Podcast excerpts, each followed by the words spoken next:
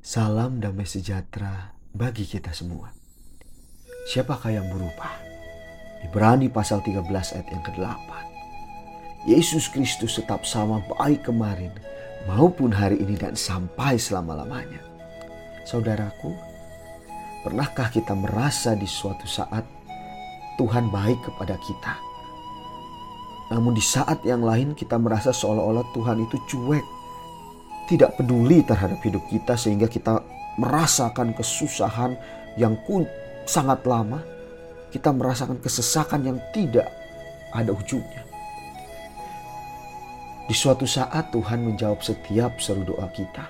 Namun di saat yang lain Tuhan seolah-olah tidak mau menjawab doa kita. Doa yang sudah kita panjatkan sejak lama tidak dijawab oleh Tuhan. Di suatu saat Tuhan memberikan berkat-berkat yang melimpah kepada kita.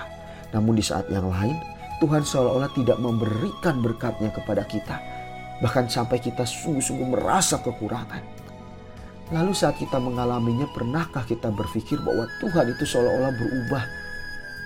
Ini jangan-jangan Tuhan berubah-ubah. Terserah Tuhan semaunya Tuhan seenaknya Tuhan.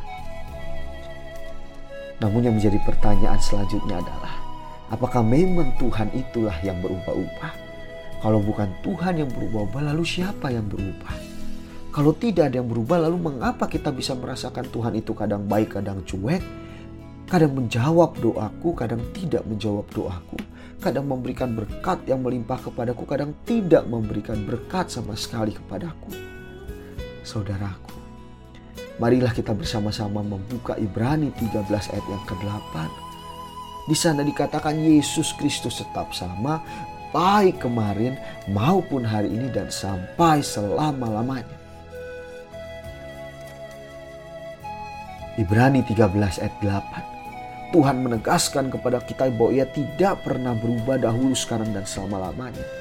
Lalu, apabila Tuhan tidak berubah, siapa yang berubah? Saudaraku, pernahkah kita merenungkan jangan-jangan kitalah yang berubah?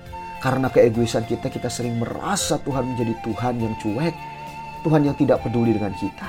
Oleh karena tekanan yang ada dalam hidup kita, kita merasa Tuhan menjadi Tuhan yang tidak mau menjawab doa-doa kita.